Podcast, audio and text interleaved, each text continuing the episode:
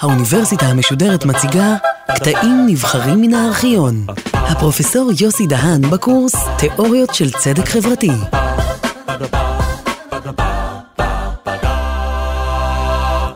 היום אנחנו נשוחח על התפיסה הרב-תרבותית, או באנגלית מולטי-קלצ'רליזם.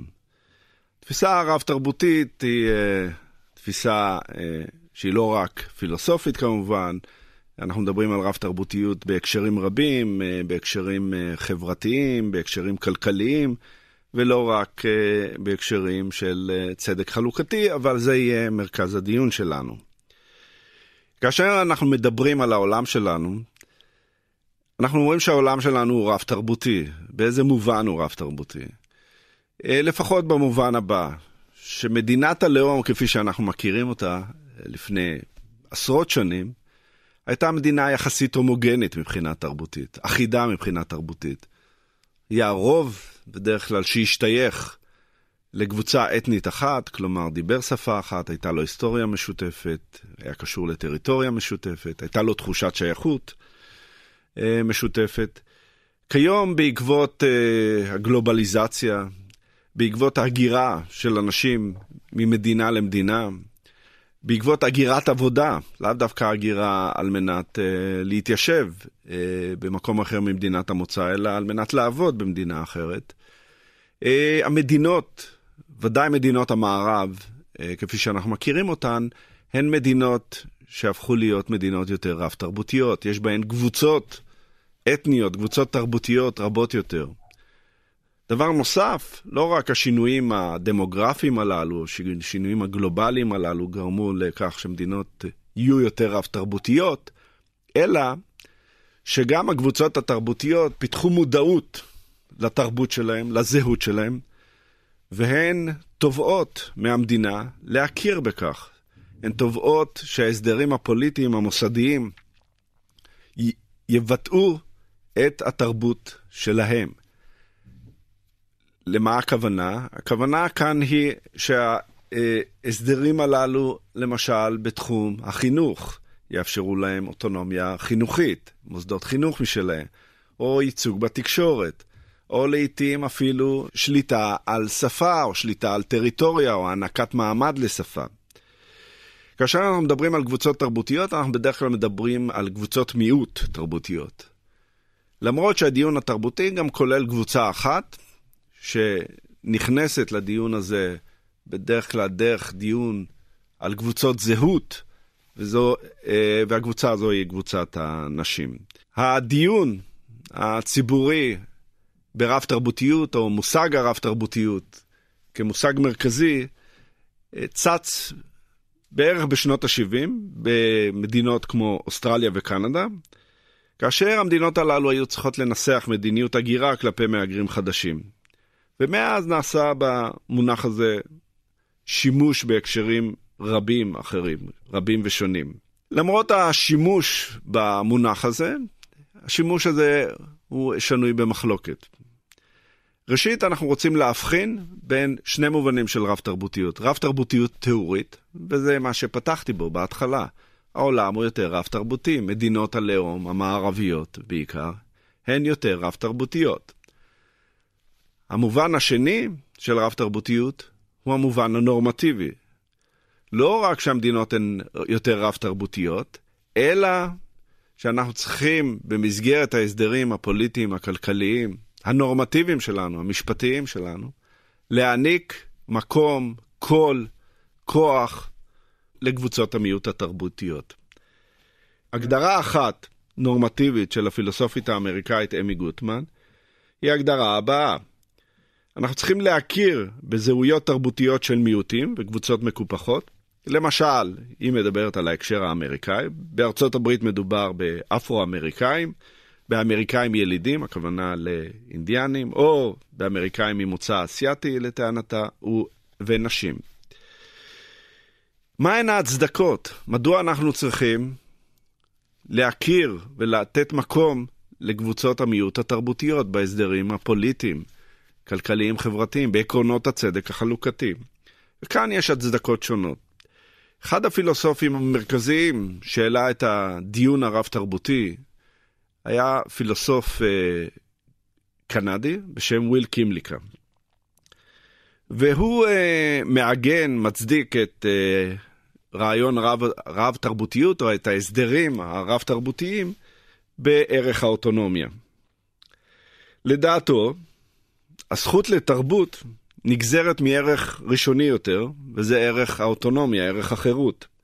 לטענת קימליקה, תרבות, כמו הכנסה, עושר, הם טובין חברתיים ראשוניים. תרבות מהווה תנאי הכרחי על מנת לאפשר בחירה לבני אדם בהחלטות המרכזיות הנוגעות לחייהם. התרבות מהווה את ההקשר שבו האוטונומיה מממשת את עצמה, זוכה למשמעות. לטענת קימליקה, בעידן של גלובליזציה כלכלית ותרבותית, של צריכה המונית אחידה, אנשים ששייכים לקבוצת מיעוט תרבותית לא יוכלו להיות אוטונומיים ולבצע בחירות משמעותיות בחייהם ללא הרקע התרבותי, ללא שמירת הרקע התרבותי שאליו הם משתייכים. כלומר, תרבות משמשת כהקשר בו אנשים יכולים להוציא לפועל את האוטונומיה שלהם. כמובן, הטענה הזו של קימליקה, לתיאוריה של קימליקה, יש uh, לא מעט ביקורות, אנחנו נזכיר ביקורת אחת בנקודה הזו. Uh, הביקורת אומרת שלא ברור שמדיניות שמעדיפה תרבות אחת או משמרת תרבות אחת עבור קבוצת המיעוט, אכן גורמת לכך שהאופציות לבחירה שיש לאנשים ששייכים לקבוצת התרבות המיעוט הן רבות יותר. ייתכן אולי להפך, אם אני מטפח תרבות של מיעוט ומשמר אותה, בואו ניקח למשל את הדוגמה הישראלית. האם uh, כאשר אני מטפח את הקבוצה, את התרבות החרדית, ומעניק לה אוטונומיה על החינוך שלה, ונמנע מלהתערב בכל דרך אה, במה שקורה בתוך הקהילה הזו, האם אכן אני מאפשר יותר אוטונומיה לכל אחת ואחד מחברי הקבוצה החרדית, או שמא כאשר אני אחשוף אותם לתרבויות אחרות, האופציות יהיו רבות יותר וערך האוטונומיה יתממש באופן מלא יותר. הצדקה אחרת באה מפילוסוף קנדי אחר בשם צ'ארלס טיילור. וההצדקה שלו אה, קושרת בין האני, בין הזהות שלנו, לבין הדרישה להכרה. כלומר, ההצדקה שלו לא מבוססת על אוטונומיה, אלא על הדרישה להכרה, הדרישה של כל אחד מאיתנו, בוודאי חברי קבוצת מיעוט, להכרה. עכשיו, הדרישה להכרה בתחום הפוליטי היא לא דרישה חדשה. אנחנו מכירים את המסורות של אה, הפילוסוף הגרמני הגל והפילוסוף אה, הצרפתי שחי בז'נבה, רוסו, שבו אה, הם טענו שאנשים ראויים להכרה, וכיצד מגיעה ההכרה שלהם? ההכרה השווה, ההכרה בהם כאנשים שווים, בשוויון פוליטי פורמלי, בשוויון פוליטי חברתי-כלכלי, למשל על פי רוסו. כלומר, הכרה בנו כשווה באה לידי ביטוי בכך שאנחנו זוכים במעמד אזרחי שווה. אבל לא על זה טיילור מדבר. טיילור מדבר שמה שאנחנו רוצים עכשיו זה לא הכרה בכך שאנחנו דומים ושווים לאנשים אחרים, אלא הכרה בשונות שלנו. וכמובן שהוא מדבר על אנשים ששייכים לקבוצות מיעוט תרבותיות. אנחנו מבקשים הכרה על היותנו שונים, אוקיי? על זה שאנחנו משתייכים לקבוצות תרבותיות מסוימות. מדוע היא חשובה לדעת טיילור? מדוע ההכרה בתרבות שלנו, ואני שוב, אני מדגיש, זה במישור הציבורי, הפוליטי, התרבותי.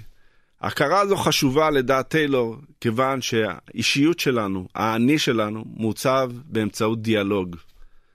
אנחנו מעצבים את הזהות שלנו לא באיזשהו תהליך פנימי אינטרוספקטיבי, אלא באמצעות דיאלוג עם האחרים. כאשר התרבות שלי לא זוכה להכרה, כאשר הזהות שלי לא זוכה להכרה, יש פגיעה בתחושת הערך העצמי שלי, בכבודי, אוקיי? כאשר הזהות שלי מושפלת, כאשר ההיסטוריה שלי לא זוכה למקום בהיסטוריה הקולקטיבית, הזהות שלי נפגעת, הכבוד שלי נפגע. ולכן, על מנת למנוע את הפגיעה הזו, התרבות שלי, ההיסטוריה שלי, צריכות לקבל הכרה בספירה הציבורית. ועל ידי כך תחושת הערך העצמי שלי תהיה שווה. אבל שוב, זאת הכרה בשונות. אם אני חבר ששייך לקבוצת מיעוט תרבותית, ההכרה בשונות תחזק את תחושת הערך העצמי שלי. שוב, גם uh, כאן יש לא מעט ביקורות. למשל, אנחנו נביא את הביקורת של הפילוסוף uh, uh, והכלכלן אמרתאי אסן, חתן פרס נובל לכלכלה, שכתב גם הוא על זהות uh, לא מעט. סן טוען שלאנשים יש זהויות שונות. מדוע להעדיף זהות אחת על פני אחרת? אוקיי? למשל, הוא פילוסוף שמוצאו מהודו, והוא מביא את הדוגמה הבאה לגבי מהטמה גנדי. ההזדהות של מהטמה גנדי הייתה עם הוגים שרוצים עצמאות מהבריטים. אבל מהטמה גנדי גם היה עורך דין, הוא יכול היה להזדהות עם התפקיד שלו כעורך דין בתוך מערכת המשפט הבריטית, אבל הוא בחר זהות אחרת. ולכן לא ברור מדוע אנחנו צריכים תמיד לתת העדפה לזהות התרבותית שלנו על פני זהויות אחרות שמגולמות בנו. ביקורת נוספת, וזאת ביקורת כללית, גם נגד קימליקה וגם נגד רב תרבותיות אה, באופן כללי, זה שהיא פוגעת בסולידריות החברתית. היא יכולה לגרום לכך שאנשים יגלו נאמנות מוחלטת לקבוצה אחת ועוינות כלפי קבוצות אחרות. ונאמר שהקבוצה הזו יש לה ערכים שאינם סובלים אה, נוכחותם של קבוצות אחרות. הקבוצה הזו היא לא סובלנית. כלומר, התרבות מטפחת דיכוי ורדיפה של אנשים שייכים לקבוצות אחרות. האם גם אז אנחנו נרצה לשמר את התרבות הזו? עכשיו, כאשר אנחנו מדברים על הכרה בתרבות, מה המשמעות של זה? הכרה בתרבות יכולה להיות אה, בתחום החינוך, ואנחנו מכירים את זה. וכאן אה, אולי אני אעבור לדוגמה הישראלית. ישראל היא באמת דוגמה לחברה רב-תרבותית. יש פה קבוצות שונות, חרדים, ערבים, מזרחים, נשים.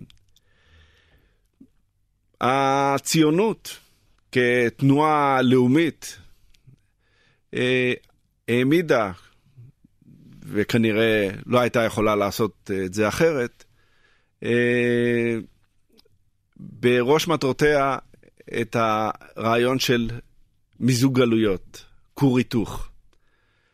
שני המושגים הללו הם מושגים המנוגדים ביותר לרעיון הרב-תרבותיות. תחשבו אפילו על הדימוי הזה, כור היתוך. לקחת אנשים עם זהויות תרבותיות שונות ולהתיך אותם וליצור את הזהות החדשה. זהות של הישראלי החדש, הציוני החדש. הרב-תרבותיות כמובן מתנגדת לעניין הזה. אם נחזור לתחום החינוך, החינוך הוא כלי מרכזי שבאמצעותו חברה מעצבת זהות. ובמערכת החינוך, הכלי המרכזי לעיצוב זהות אה, הוא תוכנית הלימודים. תוכנית הלימודים היא יכולה להיות תוכנית שנותנת מקום לתרבויות שונות, להיסטוריות שונות, והיא יכולה להיות כזו ששליט בה נרטיב אחד, שיח אחד, אתוס אחד. בישראל כיום יש תנועת התנגדות שבאה מהכיוון הרב-תרבותי, שטוענת שתוכנית הלימודים המסורתית של מערכת החינוך הישראלית הייתה תוכנית לימודים שלא נתנה מקום להיסטוריה של קבוצות שונות. למשל, היסטוריה של אה, מזרחים. היא לא נמצאת שם.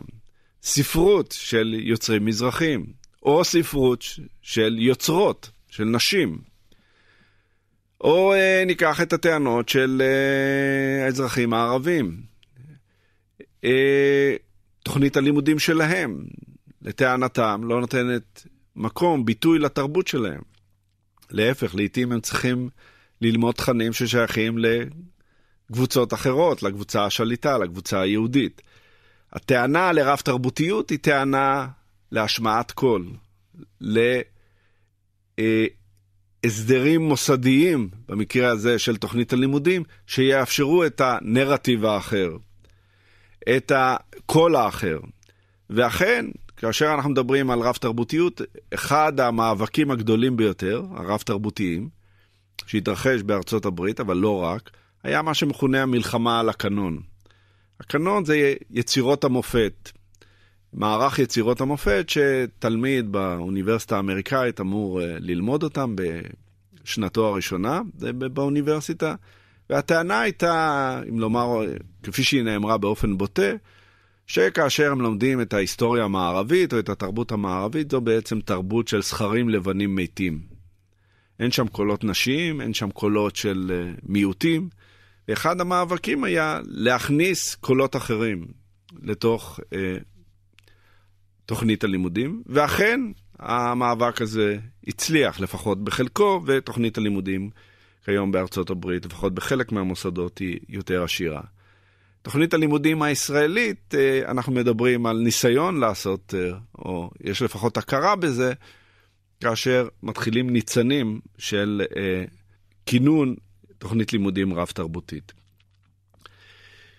אולם יש אנשים שיוצאים נגד כל הרעיון הזה של רב-תרבותיות. ודאי uh, בתחום התרבות. Uh, הטענה שלהם היא שיש היררכיה תרבותית. Uh, הטענה שלהם היא שרב תרבותיות מתבססת על יחס, עמדה של יחסיות תרבותית, כאילו כל התרבויות שוות. מי שאמר את זה באופן בוטה היה הסופר היהודי-אמריקאי, חתן פרס נובל לספרות, סול בלו. כאשר הוא התעמת עם העמדה הרב-תרבותית, הוא אמר את המשפט, את ההערה הבאה, שעוררה סערה, והוא אמר, כאשר בני הזולו ייצרו יצירה כמו של טולסטוי, אנחנו נקרא אותם. כלומר, בני הזולו כנראה לא יצרו יצירה תרבותית בעלת ערך, ואין שום מקום לתת להם מקום בספרות העולמית או בקנון.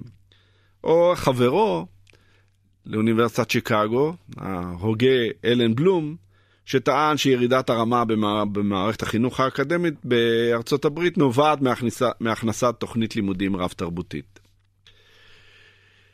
אה, כנגד אה, טענות כמו של סול בלו ושל אה, בלום, יש הוגים שמדגישים דווקא את נקודת המבט היחסית. טענה של פילוסוף, אה, חוקר ספרות כמו סטנלי פיש, היא שכל התרבויות ראויות ליחס שווה, והנימוק שלו שאנחנו לא יכולים לקבוע שיפוטים אובייקטיביים, אלא מתוך נקודת מבט תרבותית פנימית. אוקיי? כלומר, אין נקודת מבט חיצונית שממנה אנחנו יכולים לדרג תרבויות. אין אמות מידה משותפות לדירוג הזה. אבל יש כאלה שיוצאים נגד ההנחה הזו. כמו כן, נגד ההנחה שתרבויות הן הומוגניות. ניקח לדוגמה את היחס של מורמונים, או במקרה הישראלי, של בדואים לנשים, אוקיי? של מורמונים לריבוי נשים, או של בדואים למילת נשים. הנורמות הללו הן לא נורמות מקובלות ואחידות בתוך הקהילה המורמונית או בתוך הקהילה הבדואית. קיימים חילוקי דעות קשים. אה, קיימת אופוזיציה לתפיסות הללו. כך שביקורת על, תר, על תרבות יכולה לבוא גם מבפנים. כלומר, הרעיון שיש איזו תרבות הומוגנית, שיש איזה קונצנזוס מוחלט סביב הנורמות הללו, הוא אה, רעיון לא מציאותי. במקרים רבים מה שיש זה שתרבות יכולה להיות נתונה לביקורת דווקא מבפנים.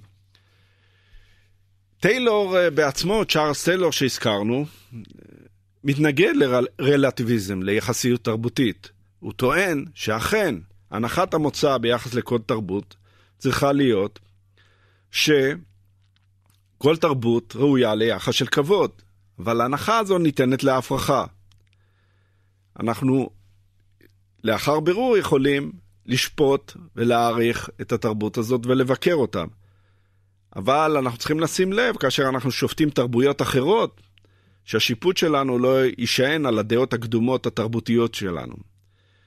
ההנחה של טיילור היא שכל תרבות שהייתה בסיס במשך זמן ארוך, תקופה ארוכה, לחיים עשירים של בני אדם לאורך זמן, היא בעלת ערך. אבל על מנת לזכות בכבוד, יש לבחון את התרבות הקונקרטית, את, המסור... את המסורת שלה ואת הנורמות הייחודיות שלה. טיעון אחרון כנגד רב תרבותיות, נסיים בהערת ביקורת, זה שרב תרבותיות בעצם יוצרת גטואיזציה, בלקניזציה של החברה. כיוון שכל קבוצה תרבותית מעוניינת בקידום האינטרסים שלה, הערכים שלה, חישוקי הסולידריות של החברה בכללה מתרופפים, ואין בעצם מטרות משותפות, אינטרסים משותפים, או אין מי שיגן על המטרות והאינטרסים המשותפים. אחת הטענות היא שזה מה שפוגע במדינת הרווחה.